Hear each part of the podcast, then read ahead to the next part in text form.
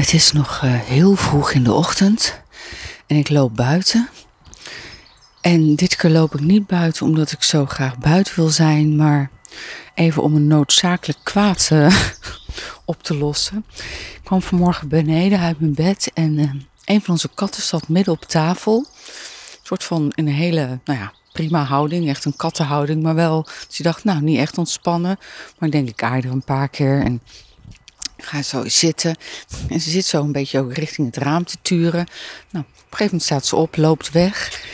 En uh, ik kijk naar links. En wat ligt daar zo half onder het uh, gordijn op de grond?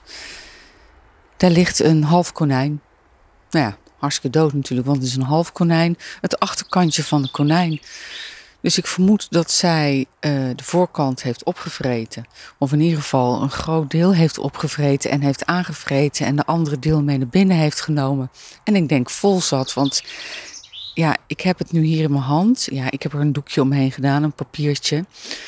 Um, het is een, niet een heel groot konijn. Maar, ach, kijk die pootjes, sorry hoor. Ja, ik ga hem toch eventjes...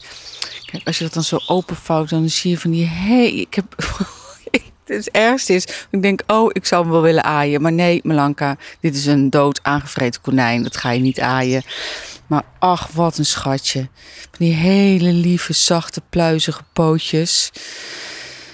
Ja, baby, je gaat de kliko in. Dus um, ja, in welke kliko doe je dat dan? Ik denk in de, in de groenbak, toch? Nou, dit is uh, nou geen groen afval, maar wel... Ja, volgens mij doe je ook Zullen mensen die dan vleesresten hebben dat in de groenbak doen? Ja, trouwens, wij barbecuen hier wel eens. Althans, mijn mannen barbecuen uh, met vlees en ik uh, zit daar dan gezellig bij. um, met zoals zij noemen gras op de barbecue. Um, maar goed, dan gooien zij dus volgens mij ook het afval in de groenbak. Ja, dus uh, nou schatje, daar ga je.